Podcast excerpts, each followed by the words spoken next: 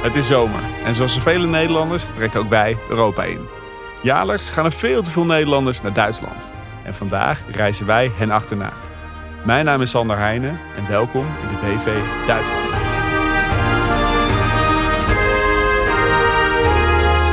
Ja, Hendrik Noten. Duitsland!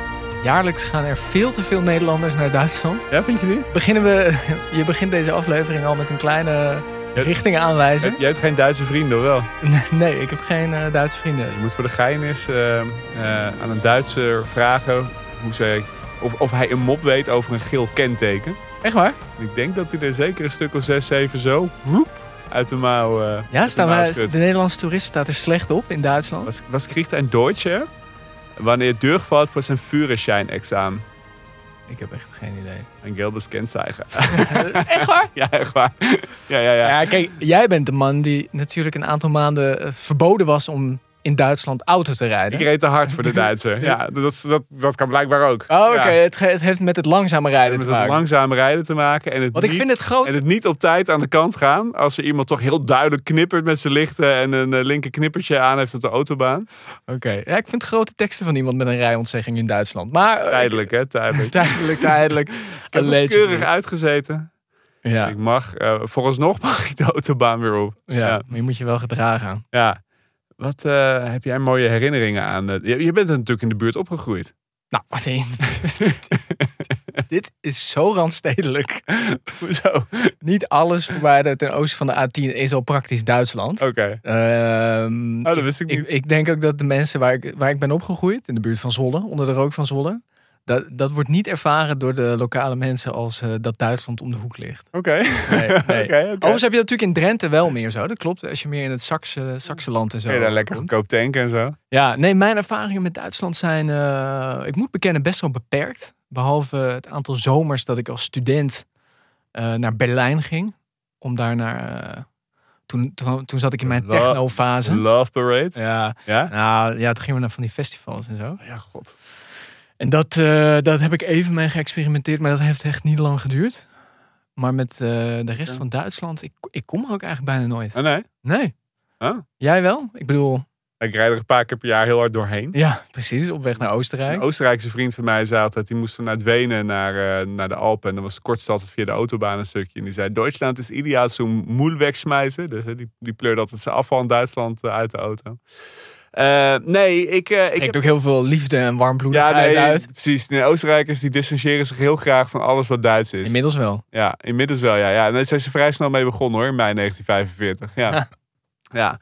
We proberen dit een beetje te beperken? Een beetje. Er kon nog wel iets meer, maar uh, ik, kan, ik, kan niet, ik kan niet drie kwartier over Duitsland praten en geen grappen maken over de oorlog.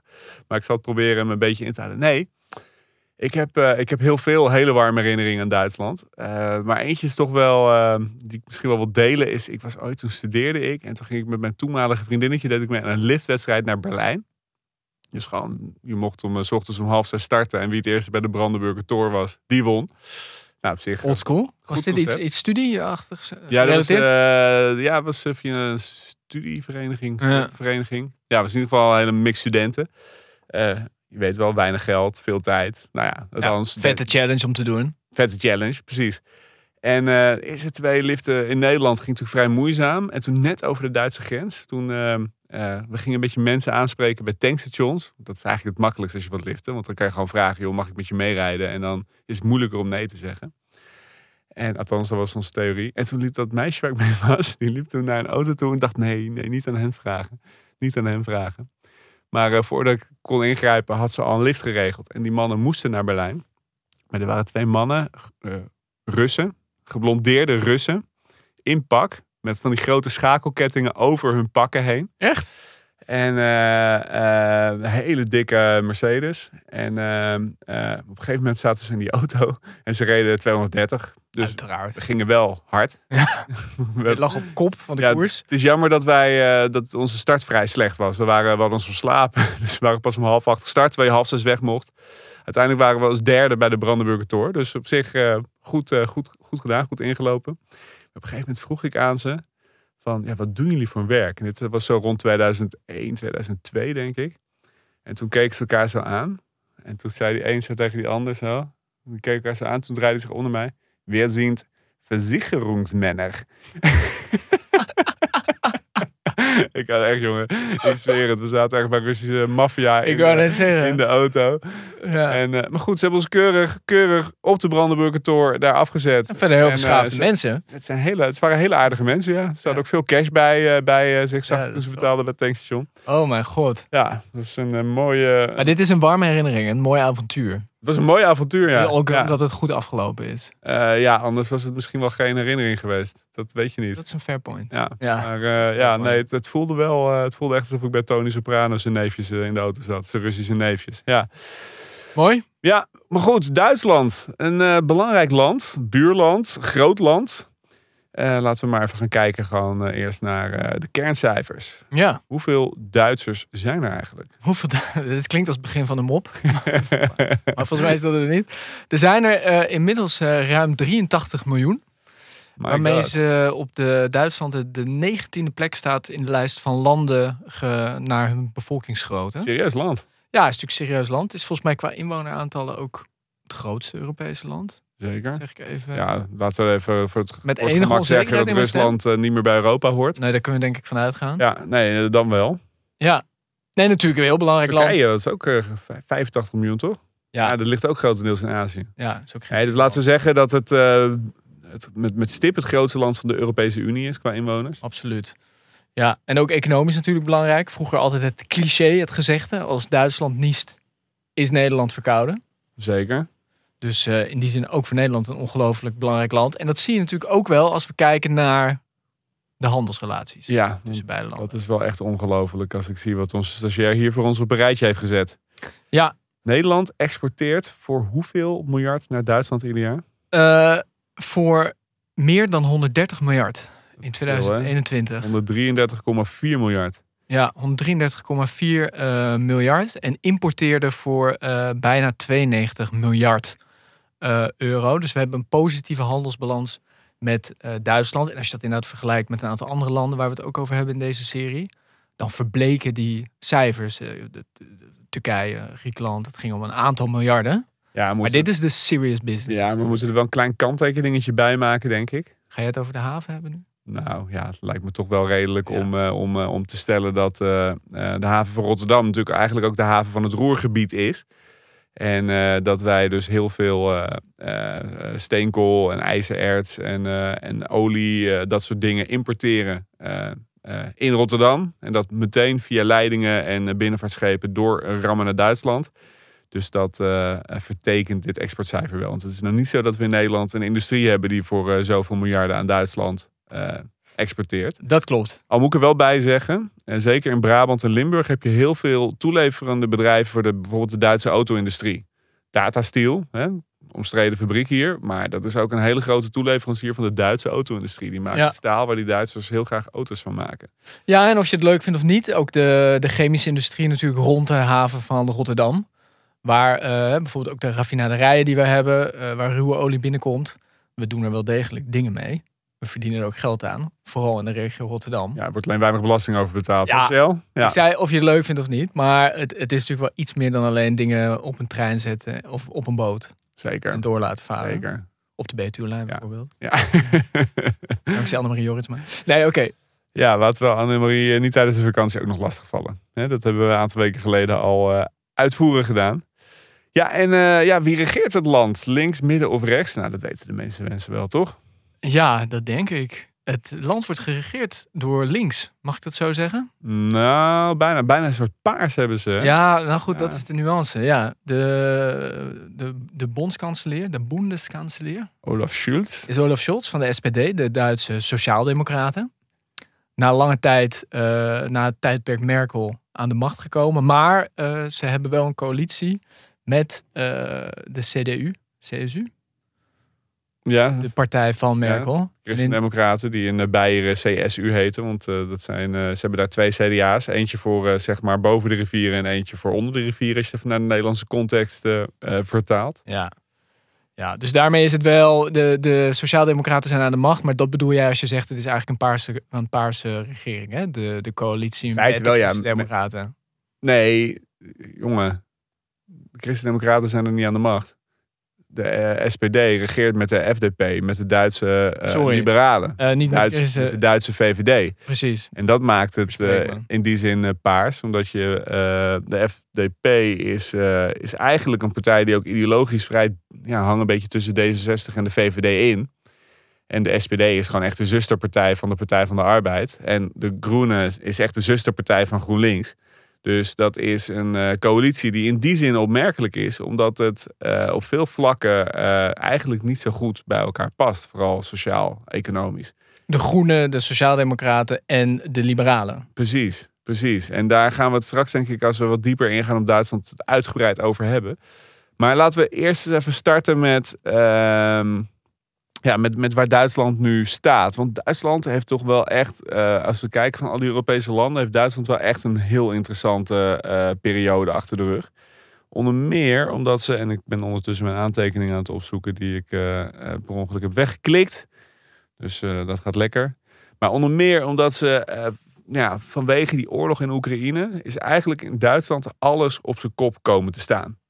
En een van de meest in het oog springende dingen is dat zij voor het eerst sinds de Tweede Wereldoorlog echt een, een hele uitgebreide nieuwe veiligheidsstrategie hebben geformuleerd. En een nationale veiligheidsstrategie.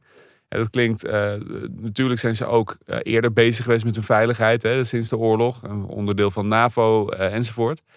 Maar een nationale veiligheidsstrategie, dat gaat ook over, zoals de Amerikanen dat ook hebben, over hoe je vooruit kan verdedigen, zeg maar. En de Amerikanen hebben over de hele wereld militaire bases en belangen om hun veiligheid te garanderen. Hoe je vooruit kan verdedigen. Ja, Kan je, kan je dat uitleggen? een voetbalterm. Ja, nou weet ik niet. Ja, Nou ja, nee, dus, dus de dat Amerikanen. klinkt als aanvallen, maar nou ja, dus da- daar kom ik inderdaad op. Kijk, de Amerikanen hebben over de hele wereld militaire bases. Net zoals de Fransen hebben allemaal militaire bases in Noord-Afrika. Die zeggen eigenlijk, kan Frankrijk veilig zijn op het moment dat wij zorgen dat het in Noord-Afrika niet onrustig wordt. Hè? En, en de Duitsers hebben vanwege hun eh, nou, eh, niet, niet heel recente verleden, maar toch wel eh, relatief recente verleden, hebben die natuurlijk heel lang alles wat naar militarisme en, en het buiten Duitsland stationeren van Duitse militairen te maken heeft, zijn ze natuurlijk heel terughoudend in geweest. Ja. En ook niet zonder reden. De laatste keer dat ze een Atlant, dat ze een echt zo'n zo'n zo'n klassieke veiligheidsstrategie hebben, hadden. Het, daar zat de Atlantikwal in. Dus toen was hun vooruit verdedigen, was zorgen dat de hele Atlantische kust door de Duitse weermacht verdedigd werd. En dat was vrij zuur voor het neutrale Nederland. Nou heb ik in die zin goed nieuws. nou, In hun nieuwe veiligheidsstrategie komt het bezetten van sympathieke kleine buurlandjes niet voor. niet voor. Nee, staat er niet in. Goh, de ge- geschiedenis gaat toch wel in stapjes vooruit wat dat betreft. Dat is toch wel echt. eh, maar ik heb daar wel feest. vragen over, want eh, het, is wel, het valt volgens mij bijna niet te onderschatten in wat voor slechte staat het Duitse leger op een gegeven moment verkeerde, toch? De Bundeswehr. Nou, op een gegeven moment, zeg maar, Eigenlijk, eigenlijk, op dit moment. eigenlijk op dit moment nog Ja. steeds. Ja, ja. Dus, dus Duitsland is een land, is de sterkste economie van Europa. Ook het economische hart wel van Europa, zou je kunnen zeggen. Maar het is ook een land dat niet in staat is om zichzelf militair te verdedigen. Dat heeft ook de Duitse eh stafchef, hè, dus de hoogste Duitse militair, heeft dat ook onomwonden gezegd bij de Russische inval in Oekraïne. Van Duitsland is niet in staat om het eigen grondgebied te verdedigen. Dus in praktische zin, als de Russen door zouden stoten of eh, de Fransen bedenken zich toch nog eens een keer, dan is het in principe mogelijk om Frankrijk, ofwel om Duitsland in te nemen, te bezetten. In theorie, ja. Theorie, ja, nou, in theorie. Nou, nou, nou heeft het een paar eh, eh, loopholes. Kijk, wat, wat in ieder geval nu ook die Duitsers duidelijk is geworden. Als eh, Polen niet veilig is, is Duitsland niet veilig. Ja, ja. En als Polen is niet veilig als Oekraïne niet veilig is. En we weten inmiddels ook, hè, Oekraïne is pas veilig als we dat land helemaal volstouwen met wapens. Want anders eh, nemen die Russen het gewoon over. En als ze Oekraïne kunnen overnemen, ja, waarom dan niet naar Polen kijken? Want daar hebben die Russen ook een verleden eh, mee. En, en, en, en, eh, dus, dus dat is een enorme wake-up call geweest voor Duitsland. Ten meer dat zij er de afgelopen decennia enorm op hebben ingezet. En wij in Nederland overigens ook. Alleen wij zijn natuurlijk sowieso... Hè, wij, wij als Duitsland of Frankrijk of Engeland wat wil... zijn wij in Nederland natuurlijk sowieso per definitie... omdat we zo klein zijn en vlak en eh, weinig oppervlakte hebben... en weinig grondstof hebben... zijn we per definitie kansloos als we niet vrienden zijn met die landen. Ja. Eh, dus dat is een beetje een andere situatie. Voor Duitsland is dat anders. Die zijn op zich, zouden die sterk genoeg moeten kunnen zijn om zichzelf te beschermen. Maar die hebben de afgelopen decennia heel erg ingezet op hè, wat ze die handel door wandel ik zeg het verkeerd volgens mij, handel door wandelen, wandel, wandel. Ik heb die term nooit goed. In ieder geval, Ja, gewoon vriendjes zijn door de economie te vervlechten. precies, economie in elkaar schuiven, vervlechten, zoals we ook in de Europese Unie hebben gedaan. Hè? Precies. Eh, dat is begonnen Met. Duitsland en Ja. Frankrijk en Italië. Met nog een paar niet-zeggende landjes eh, in de Benelux. eh, die hun economie in elkaar gingen vlechten. Zodat ze geen oorlog meer met elkaar konden voeren. Ja. En eigenlijk heeft Duitsland dat heel erg proberen door te trekken. Dus die, eh, de belangrijkste eh, export... eh, het belangrijkste exportland voor Duitsland, voor de Duitse industrie. Moet je één keer raden wat dat is. De export voor de Ja. Duitse industrie. Poeh, ja, ik zou zeggen machineproducten voor auto's. Nee, welk land? Waar gaat het meest oh, waar meeste geld? Naar Rusland. Nee, China. Naar China. Ja, dus Duitsland heeft die, die Duitse industrie, en met name die auto-industrie, die hebben zich heel erg inge- ingezet op het bedienen van die opkomende Chinese eh, middenklasse. Oké. Eh, op die opkomende Chinese middenklasse om die van auto's te voorzien. Daar moesten al die Volkswagens naartoe. echt zo. Maar daar moesten al die Volkswagens naartoe. En ze hebben ook heel veel fabrieken gebouwd in China, waar ze Duitse auto's bouwen. Eh, Volkswagen, Audi, Porsche enzovoort, BMW, eh, Mercedes. Die zijn allemaal heel groot. En daar verdienen ze ongelooflijk veel geld aan. Maar zeg jij nu, dit is een, een economisch belang, maar dit is ook een politieke strategie. Dat hoor ik jou dan zeggen. Handel door, mag ik gewoon handel door wandel zeggen? Ik heb Ja. geen idee of dit een Ja, uitdrukking ja, is. ja, ja, ja, zeker. Nee, dus, dus, dus, dus, dus enerzijds ze zijn dus met China hele diepe economische banden aangegaan. Ook om het mogelijk te maken dat die indus- industrie concurrerend is op de wereldmarkt, zijn ze zich voor een energievoorziening, hebben ze zich volledig afhankelijk gemaakt van Rusland, van goedkoop Russisch gas. Ja. En omdat er in het verleden best vaak gedoe was als er ruzie was tussen Rusland en Oekraïne, dat eh, de Oekraïners soms die gasleidingen een beetje dichtdraaiden, hebben ze die Nord Stream 1 en 2 pijpleidingen aangelegd om rechtstreeks vanuit Rusland naar Duitsland gas te laten stromen, zodat die handel, hè, dat die, die gasrelatie altijd door kon gaan. En de Duitse industrie heeft zich echt volledig, volledig ingericht op dat er goedkoop Russisch gas voorhanden is. En het afgelopen jaar, eh, die spanningen met China lopen op.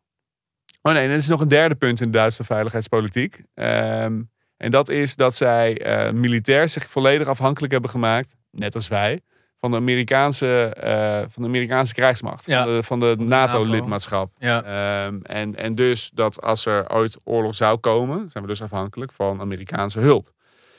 Ehm, dus, dus, dus die drie Zoals we nu zien natuurlijk in... eh, Precies, dus in. Duitsland, het hart van Europa, heeft zich eh, v- qua, qua economie afhankelijk gemaakt van China, qua energie afhankelijk gemaakt van Rusland en qua veiligheid afhankelijk van de Verenigde Staten. Keurig. Keurig. Gaat allemaal op alle vlakken gaan in die landen. Is er niks aan de hand. Ja, wat kan er in godsnaam misgaan, denk je dan? Ja. En heeft tegelijkertijd ook geen Europese partners die zelf wel het alternatief te bieden hebben. Misschien een klein beetje Frankrijk, maar ik bedoel, wij hebben natuurlijk in de slipstream voor een deel hetzelfde gedaan als Nederland. Nee, wij hebben Toch? precies, Ja. want, wij hebben precies hetzelfde gedaan. Ik had vroeger een geschiedenisleraar en die zei, eh, toen wisten we al dat de euro eraan kwam, maar we zaten nog in de gulden. En toen speelde ook nog een beetje die discussie hè, van maakt Nederland zich, hè, moet Nederland niet autonoom blijven, de Nederlandse bank en de gulden en zo. En mijn geschiedenisleraar die zei altijd van, ja, de Nederlandse bank heeft de autonomie van drie kwartier. Ja, ja, ja. Als de Deutsche Bank, eh, de Duitse centrale bank, de rente verhoogt, dan heeft Nederland drie kwartier de tijd om dat ook te Om doen. hetzelfde te doen. Ja, Ja. en dat was ook zo. De Nederlandse gulden en die Duitse markt, die waren altijd aan elkaar gekoppeld. Ja. En, eh, en Nederland kon helemaal niks zonder Duitsland. Vandaar ook wat je zei, Duitsland uh, Niest. niest, is Nederland verkouden en andersom. Maar dus die drie punten, dat vind ik wel interessant hoe je dat neerzet. Je hebt dus eh, eigenlijk zowel op alle drie drie punten loopt het nu vast. Precies. Rusland loopt vast. Rusland kan je eigenlijk geen handel meer drijven, want die vallen Oekraïne binnen en die hele eh, eh, politiek van handel drijven. En dan worden die Russen wel gewoon ook een soort leuke sociaaldemocraat. Dat is mislukt. Ja. Eh, China is eh, heel onzeker, want op het moment, juist omdat we voor onze veiligheid zo afhankelijk zijn van Amerika en omdat, hè, ik vertelde net als Oekraïne niet veilig is, Polen niet veilig is, Duitsland niet veilig, zijn we dus heel erg afhankelijk van militaire wapensteun vanuit Amerika. Uh, en om dat mogelijk te maken, zal je dus op de een of andere manier, als Amerika die confrontatie met China over Taiwan aangaat, zal je dus toch de Amerikanen ook moeten steunen in ruil. Dat ze zullen op zijn minst politieke steun willen hebben voor, voor de enorme militaire steun die ze aan Europa en aan Duitsland uh, verlenen. En dit was natuurlijk een heet hangijzer, want de haven van Hannover, zeg ik het goed, daar speelde het afgelopen jaar ook het, vra het vraagstuk dat daar een deel van verkocht ook zou worden aan het Duitse staats of het Duitse, het Chinese staatsbedrijf. Precies, precies, Eh, precies. En, en, en, en die Duitsers, eh, volgens mij was het Hamburg trouwens. Of Hamburg. Schultz, ja. eh, Schultz komt er ook vandaan. Hè? Dat is zijn achterban, zijn eigen eh, arbeidersklasse achterban. Die, die graag eh, eh, grote haven met veel banen wil bieden in Hamburg. En die Chinezen op de korte termijn beloven ze dat. Maar goed, ze, moeten dus, eh, ze zitten dus in die driehoek eh, China, Amerika, eh, Rusland. Al die, alle drie die vlakken wordt het steeds onzekerder. Want voor Amerika geldt, als daar weer een Trumpist aan de macht komt... die zegt van ja, die NAVO, ja, NAVO laat de Europeanen hun eigen boeltje opknappen. Ja, dus dat betekent dat Duitsland op heel veel vlakken op hele korte termijn een enorme omschakeling heeft moeten maken. En, en we zien dat op dit moment eigenlijk ook wel gebeuren. Dat is het interessante eraan. Ehm, eh, en Duitsland, en dat is, dat is misschien het hoopvolle als je nu naar de Duitsers kijkt, die hebben dan wel ook weer de geest en de slagkracht om ook snel eh, dingen te veranderen. Want er is nog veel zware industrie. Eh, ze hebben nog bijvoorbeeld die tankfabrieken. Ze hebben allerlei fabrieken die in theorie weer wapens zou kunnen laten maken. Ze hebben heel veel middelen. Ze zijn heel kredietwaardig. Ja. En ze hebben, en dat is misschien wat het belangrijkste wat we het afgelopen anderhalf jaar hebben gezien. Hè, Schulz, eh, de bondskanselier, die heeft die Zeitenwende afgekondigd. Ja. Dus zei, Vind ik een mooi woord, ja, Zeitenwende. Du- Duitsers, Duitsers zijn goed in dit soort termen. Hebben we niet echt een Nederlandse variant van, volgens mij? Ik heb daar toen een beetje over na zitten denken. Nee, maar wij nee, Toch? Nederland. Weet ik vind het mooi, een wending van de tijd, Ja. in de tijd. Ja. Ja, wat hebben wij dan? Een keerpunt of zoiets. Maar dat Ja, is maar- niet, het, vervat, het vat niet helemaal. Nee, en het heeft niet die betekenis ook. Hè? Kijk, in Duitsland ook na de Tweede Wereldoorlog, die eerste 30 jaar, toen is er een enorm economisch wonder heeft er plaatsgevonden hè, in, eh, in Europa. En in nou, Frankrijk, Le Tran Glorieus, Ja, Duitsland, das Wirtschaftswunder. ja. Ja, dat is gewoon een mooie term. In iedereen snapt waar je het over hebt. Weet je wel, het, het economische wonder van na de oorlog. Het, alles was kapot en binnen 30 jaar... Hè, Hitler had alle Duitsers, iedere Duitse arbeider een Volkswagen Kever beloofd. Nou, die bracht alleen maar ellende en vernieling. En tien jaar nadat Hitler weg was... Hè, had onder Adenauer, onder de, het CDU, de Christendemocraten daar... had iedere Duitse arbeider daadwerkelijk een Volkswagen Ja. Kever. Hè, dus het democratische Duitsland kon dat eh, voor elkaar boksen. Eh, nou goed, dat is even een zijlijntje. Maar in Nederland hebben we voor de, ja, de wederopbouw. Ja, Dat, toch, dat, dat heeft, niet diezelfde, heeft niet diezelfde lading. Nee, nee, en nee. het Zeitenwende, ja, je kan je ook afvragen of er in Nederland al sprake is van een Zeitenwende. Nee, goed. Maar dus Scholz die staat daar in die, eh, in die bondsdag. Ja, die zegt, die, eh, ik ga, ik, ik kondig een, wij, wij gaan als land maken wij een Zeitenwende door. Of dit is een Zeitenwende. precies, we moeten alles anders doen. We moeten onszelf weer militair kunnen beschermen. Dus ik ga eenmalig 100 miljard uittrekken om materieel te kopen. En de budgetten voor de krijgsmacht gaan bijna, worden bijna verdubbeld, structureel. Historisch, eh, een, een, ja, ik zal niet, niet een unicum, dat is niet het goede woord. Maar sinds de Tweede Wereldoorlog natuurlijk wel. Duitsland had echt besluit, wij gaan investeren en herbewapenen. Nou ja, en wat dus helemaal fascinerend aan is, eh, eigenlijk tot, tot vrij recent, als een Duitse eh, leider dat zou aankondigen, zou heel Europa toch een beetje zenuwachtig worden van hoezo gaan Duitsers herbewapenen. Ja. En nu is het eigenlijk iets heel geruststellends. Hè, dat ze dat onder de huidige politieke context, dat ze dat doen.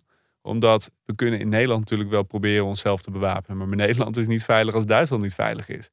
Dus we hebben twee dingen nodig. Goede banden met Duitsland, dat zich niet tegen ons keert. Maar toch ook een sterk Duitsland dat voor de veiligheid kan staan. En dat is, dat is eigenlijk het inzicht wat in Duitsland heel erg is ingedaald. In ieder geval in de politiek. Want er is ook nog heel veel weerstand. In die samenleving zit natuurlijk heel veel pacifisme nog steeds. ja, nog steeds. Hè? Ook echt op het intellectuele niveau. Zeker, dus daar is ook best veel weerstand eh, tegen, eh, ook in het Duitse publieke debat. Maar in ieder geval is politiek is het gewoon wel heel duidelijk geworden van als wij de vrede willen bewaren, dan moeten wij in staat zijn om, om vijanden te kunnen afschrikken. Dus dan moeten we militair zo sterk zijn dat je het eigenlijk niet aantrekkelijk vindt om ons aan te vallen. Dat is in feite de les van Oekraïne, die in Duitsland wel geleerd is. Dus, dus, dus dat is een heel interessant punt. Maar bijvoorbeeld ook als je dan kijkt naar die industrie. Ja, dan zijn ze, dan zijn ze ook eh, nu aan het inzetten. Ze willen de belangrijkste chipmaker van Europa worden. Mhm. Een van de belangrijke chipmakers van de wereld. En eh, dat is ook niet zonder betekenis. Want eh, tijdens die, nou, vorig jaar, ik weet niet of jij vorig jaar hebt geprobeerd een auto te kopen. Nee, toevallig niet. Nee, nee, toevallig niet. Nou, mensen die dat wel probeerden, die kwamen bedrogen uit. Want auto's konden niet afgebouwd worden. En eigenlijk gewoon puur omdat er een chiptekort was. Nou, dat had vooral te maken met de pandemie eh, en verstoorde logistieke ketens. eh, en de economie die na de pandemie zich weer heel snel aantrok. Maar wat heel zichtbaar werd, is dat vrijwel alle geavanceerde chips die komen vanuit Taiwan. En Taiwan is nu nog een eh, democratische bondgenoot van het Westen. Maar op het moment dat China dat inlijft, en de Chinezen willen dat erg graag, ja, dan is het überhaupt maar de vraag. Dan krijgt China ofwel die industrie valt daar in elkaar, ofwel hij komt in Chinese handen en dan kan China eh, handelssancties en, en, en politiek gaan bedrijven met, met, met geavanceerde microchips. En dan hebben ze eigenlijk die hele Europese economie en de Amerikaanse economie hebben ze gewoon bij de ballen. Maar help me even, die Duitsers hebben gezegd, of besloten, wij hebben een soort van strategische autonomie nodig of zo, zo heet het dan vaak. Precies. En een van de belangrijke punten waar we nu in moeten gaan investeren, wat we moeten ontwikkelen, is die chips in, chipindustrie. Precies. Wat we de Amerikanen natuurlijk ook in feite. De Amerikanen zijn dat eh, ook aan het doen. Aan het doen. Ja, in Duitsland is dat eigenlijk namens Europa, of in ieder geval, ik weet niet of ze het zo presenteren, maar in ieder geval in Europa is Duitsland de plek waar nu ook de overheid zegt, wij moeten zorgen dat wij hier net zo'n hoogwaardige chipindustrie hebben als de Taiwanese hebben. Oké. En dat is niet ehm, eh, gratis. Want Schulz is alleen al van plan om 10 miljard uit te trekken om een eh, eh, Intel-chipfabriek eh, te faciliteren bij Maagdenburg. Ja. En er zijn plannen om een TMC, TMHC, die grote Taiwanese chipfabrikant, die bij Dresden een grote fabriek te laten bouwen. Waarschijnlijk ook met deels Duits publiek geld. Dus die zijn heel erg nu aan het kijken van oké, we hebben die chips, dat, zijn, dat is eigenlijk net zo belangrijk als in het verleden olie. En eigenlijk nog steeds wel olie is natuurlijk, maar en, en daarvoor steenkool en daarvoor eh, nou ja, andere grondstoffen. Eh, we moeten dat in eigen beheer doen. We kunnen niet meer uitgaan van handelsrelaties en, eh, en, en handelsketens eh, en vredige verhoudingen in de wereld. We moeten dat gewoon nu in eigen hand nemen. Dus je ziet dat in die Zeitenwende dat Duitsland heel erg bezig is om eh, ja, eigenlijk toch om zichzelf opnieuw uit te vinden voor een deel. En dat is een hele interessante ontwikkeling. Hoe, hoe heb jij het gevoel dat dat land daarop reageert? Want dit zijn allemaal heel de grote macro-economische strategische keuzes. Maar heeft, heeft Scholz hier nog de handen voor op elkaar, ook voor die Zeitenwende? Want het zal ook pijn doen, inflatie. Of eh, Duitsland heeft ook een eh, hoop inflatie gehad het afgelopen jaar. Zit zijn, zit zijn coalitie nog stevig in het zadel? Laten we daar na de pauze even over hebben. Ja, dus ik vroeg jou, krijgt Scholz voor al deze grootse plannen ook de handjes op elkaar? Want bijvoorbeeld, mijn herinneringen aan Duitsland is dat ze het ook wel belangrijk vinden dat iemand goed op de centjes let. En je hebt het al over miljarden subsidies voor eh, Intel en eh Taiwanese fabrieken en 100 miljard wat naar het leger moet. Ja, je kan elke euro maar eh eenmaal uitgeven. Ja, nou is het wel zo dat eh, dit zijn allemaal toevallig wel net rechtse hobby's die je noemt. Ja, daar krijg je dan iets in de Dus hand. krijg je dan, eh, en, en, en het eh, heel goed op de centjes passen is ook een rechtse hobby. Dus in die zin krijg je het iets makkelijker de handjes ervoor op elkaar dan, dan als het bijvoorbeeld gaat om publiek geld te gebruiken om iedereen een warmtepomp te geven. Waar ook een behoorlijke discussie over gaande is in Duitsland. Daar komen we mis- misschien straks nog wel even op. Nee, ehm, ehm, ja, daar is, daar, is, daar is gewoon veel discussie over. Je hebt, je hebt sowieso in Duitsland ook een grote stroming die zeggen van ja, dat hele bewapenen, daarmee houden we alleen maar conflicten in stand. Dat moeten we juist niet doen. Die dus eigenlijk niet, niet aan het idee willen dat er. ehm, ja, die niet aan het idee willen dat je jezelf moet bewapenen om misschien wel geen oorlog te voeren. En het is ook een heel Of dat de oorlog iets, soms iets, iets onvermijdelijks heeft als je niet wil dat het groter wordt, zeg maar. Nou, precies. Dus in Duitsland, wat, wat een grote stroming is, is die zeggen van ja, eh, door wapens te geven aan Oekraïne houden we die oorlog alleen maar langdurig in stand. Terwijl, ja, zou je tegen kunnen brengen, als je het niet doet, dan eh, hou je Oekraïne niet in stand. En hè, ik bedoel, wat creëer je dan? Maar goed, ehm, op financieel vlak, eh, want daar ging je vraag eigenlijk over volgens mij. Zeker. Op financieel vlak heeft Duitsland een minister van Financiën, Christian Lindner, die tevens de voorzitter is van de FDP, hè, dus zeg maar Ja. van de Duitse VVD. En dat is wel echt een begrotingshavik. Ja. Altijd geweest. Hè. Dus we hebben, eh, volgens mij zijn wij daar ook wel representanten van. Maar de afgelopen paar jaar heb je de nieuwe eh, monetaire theorie gehad. Hè? Eh, dat je eigenlijk, die eigenlijk zei overheden hoeven helemaal niet per se hun overheidsfinanciën op orde te houden. Je kan best wat meer uitgeven, zeker in eh, economisch lastige tijden. Want zie je, de inflatie loopt toch niet op. Wat tot anderhalf jaar geleden ook daadwerkelijk het geval was. Die enorme coronasteungelden, daarmee hou je gewoon de, de economie overeind. En dat is waardevoller dan dat je strikt vaststaat als een begrotingsnorm. Nou, hij is een van de mensen die dat ten eerste nooit heeft losgelaten.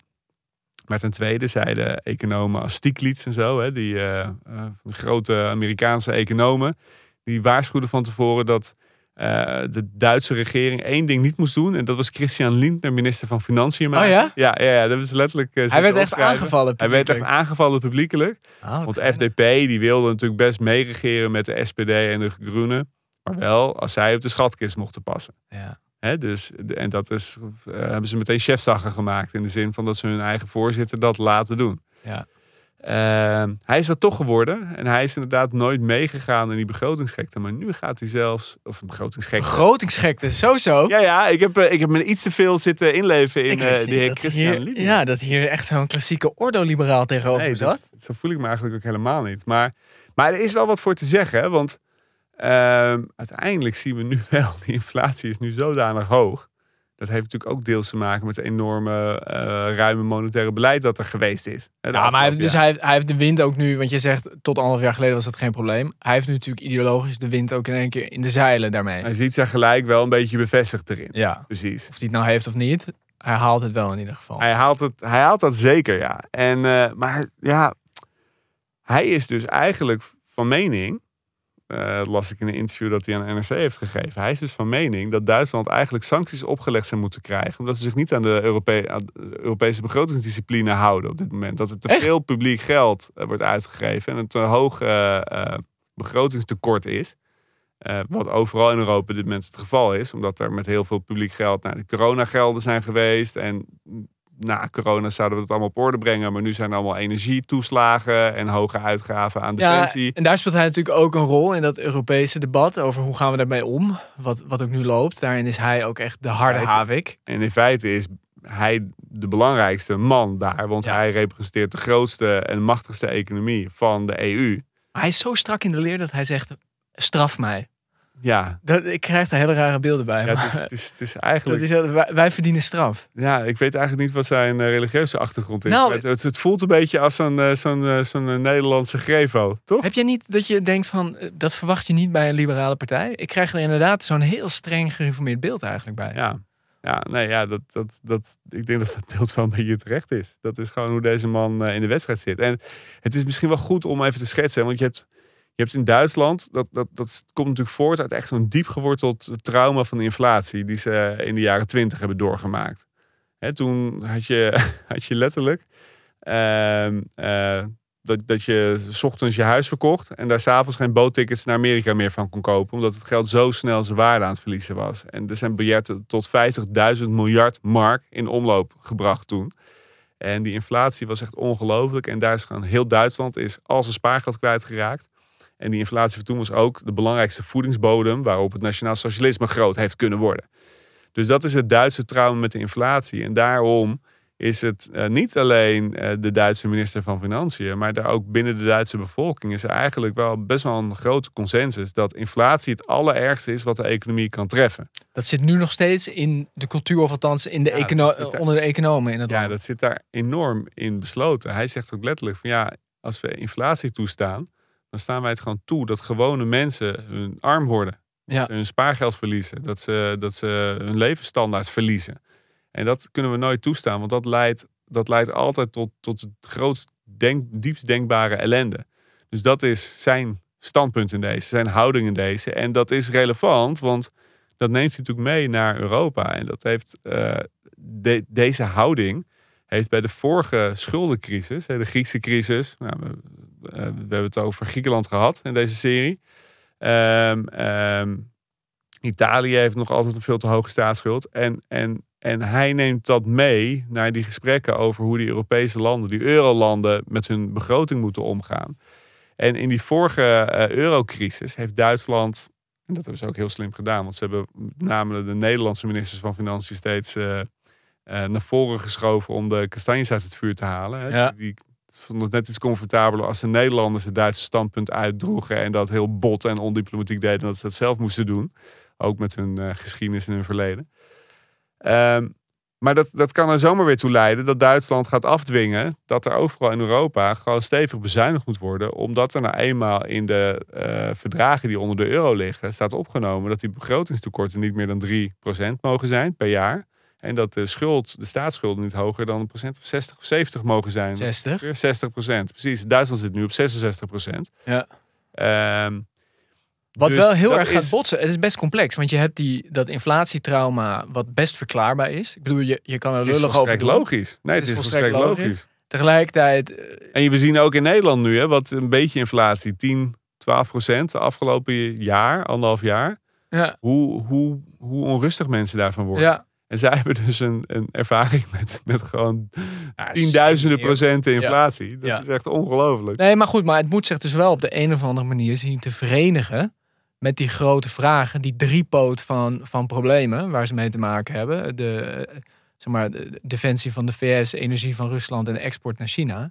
Als je die stap wil maken, die Zeitenwende door wil, dan zul je wel, je krijgt het ook niet cadeau. Je, moet moet, investeren. investeren, ja. Oh, ja. Ja, maar dat is het risico natuurlijk waar Duitsland in zit. Dat ze door dat trauma dat ze hebben met die hyperinflatie van de jaren 20, dat ze daardoor te eenzijdig focussen op, ehm, op, die, op die begrotingen, op dat schuldenplafond en op die, eh, eh, ja, dat, de- dat de rente omhoog moet om die inflatie onder controle te brengen. Ja.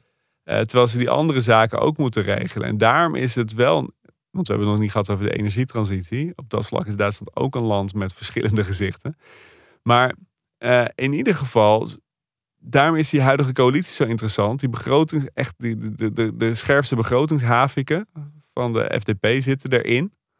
Ehm, eh, de SPD, een partij die, die van publieke investeringen is, zit erin. En de Groenen zitten erin. Hè, die ook heel erg kijken van... eh, ja, als we onze economie aan het vernieuwen zijn en onze industrie vernieuwen, dan moet wel groen. Dat moet wel duurzaam. Ja. Dus, dus, dus in potentie, dit kan natuurlijk helemaal uit elkaar klappen op de verschillen. Maar als ze uit voor elkaar krijgen om bij elkaar te blijven, en ze lijken toch wel voornemens om bij elkaar te blijven, ook omdat ze electoraal, eh het alternatieven voor Duitsland komt eh, sterk op. Ja. Dus, dus eigenlijk heeft niemand er veel belang bij om nu te klappen. Ja, dan zouden zij toch wel de aanzet kunnen geven tot een, ja, tot toch weer een, een Duitsland dat zichzelf opnieuw heeft uitgevonden. En dat eh, met recht eigenlijk de Europese kar kan trekken. En ook zeggen. in haar slipstream ervoor kan zorgen dat niet alleen de Duitser beter af is, maar dat wij hier in Nederland, want hè, als Duitsland eh, verkouden is, en niezen wij en andersom. Maar als Duitsland bloeit, dan gloreren wij. Ja. Eh, en, en, en, en ja, ik heb toch wel, en misschien is het de zomer, maar ik heb toch wel de hoop eh, ja, dat zij daar nu wel mee eh, bezig zijn om daarvoor het fundament te leggen. En eh, ik hoop dat de Duitse kiezer dat ook ziet. Ik hoop het ook. En dat is van belang voor Duitsland, maar eigenlijk voor het continent eh, als geheel. Zeker, want als wij ooit als Europa strategisch autonoom willen worden, ja, dan moet Duitsland daarin voorop gaan. Simpelweg omdat het het rijkste, eh, het rijkste en het best daartoe geoutilleerde land is. Ja, het grootste land. Mooi, goede analyse denk ik. Nou, laten we het hopen, ja. Ja, dat mensen hebben dit we- aan kunnen op de camping. Hebben we nog, eh, heb je nog eh, tips voor mensen die in Duitsland op vakantie gaan? Dat eh, proberen we natuurlijk ook nog even elke aflevering. Ik heb er eentje, denk ik. Maar Ja? Kom jij maar eerst, dan ga ik ondertussen ook... rij niet te hard op elke autobaan. ja, let even goed op. Kijk je er niet op. Let even goed op wat voor bordjes er staan. Want Duitsland, Duitsers, zo zijn ze ook, hè? Zo zijn ze ook. Als er een bordje staat, niet te hard rijden, Ja, dan mag je ook niet te hard rijden. en ik haal ook uit jouw waarschuwing mee. Als er iemand achter je knippert met zijn lampje, schuif aan de kant met je gele plaat. Ja, en sowieso, als je geen 160 plus rijdt, blijf dan gewoon niet op die linkerbaan. Want Ja. heb je dan eigenlijk helemaal niks te zoeken. Oké, goede tips. Maar misschien nog iets cultureels? Nou ja, ja het is zo'n fantastisch land om heen te gaan. Weet je, in de zomer, München, eh, de biergardens daar, eh, goed eten, goed leven. Eh, en vanuit München kan je zo de Beierse Alpen in. Eh, ja, het, het is gewoon, dat is echt een prachtig gebied. Eh, Hamburg is een hele mooie, leuke oude industriestad waar heel veel gebeurt. Niet zo ver rijden, van, zeker vanuit het noorden van het land. Ja, Vanuit jouw omgeving, Berlijn, altijd goed. Berlin, Schauplatz der Deutsche Geschichte. Je kan echt letterlijk op sommige pleinen in Berlijn...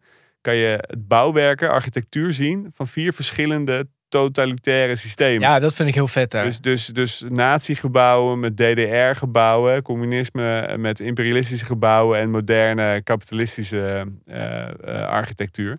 Ja, dat is gewoon zo vet dat je, als je een beetje oog ervoor hebt, in die stad kan je eigenlijk die hele Duitse geschiedenis, gewoon in een paar straten kan je dat, of eigenlijk in vrijwel iedere straat, kan je, kan je dat zien aan de hand van de architectuur. Dus dat zou eigenlijk toch mijn ultieme tip zijn. Ga gewoon lekker naar Berlijn. Regel een goede stadsgids die hier oog voor heeft. Die kan het je dan allemaal vertellen. En na afloop ga je lekker in zo'n biergarden zitten. En dan bestel je zo'n lekker groot glas pils. en dan denk Pretzel je, erbij. denk je, die Zeitenwende, die bevalt me wel, denk je dan. Precies, die komt morgen wel, denk Die komt dan. morgen wel. Hartstikke goed. Oké, jongen. Oké man, dat was de BV eh, Duitsland. Ja, Eh, leuk. Ja, mooi. Ik hoop, eh, ik hoop de luisteraars ook. Ik hoop dat, ze, dat je het interessant vond als je luistert. Ehm, sluit ik hem af. Heb je nog vragen, eh, opmerkingen, wil je iets laten weten? Eh, stuur even een mailtje naar bvnederland.creator-podimo.com. Staat ook in de show notes. Volg ons ook even op de socials, bijvoorbeeld op Instagram, LinkedIn. Ehm, Hendrik Noten, Sander Heijnen. Eh, een hele fijne zomer gewenst. En wij spreken elkaar volgende week weer. Tot volgende week, jongen. Tot volgende week. Auf Wiedersehen.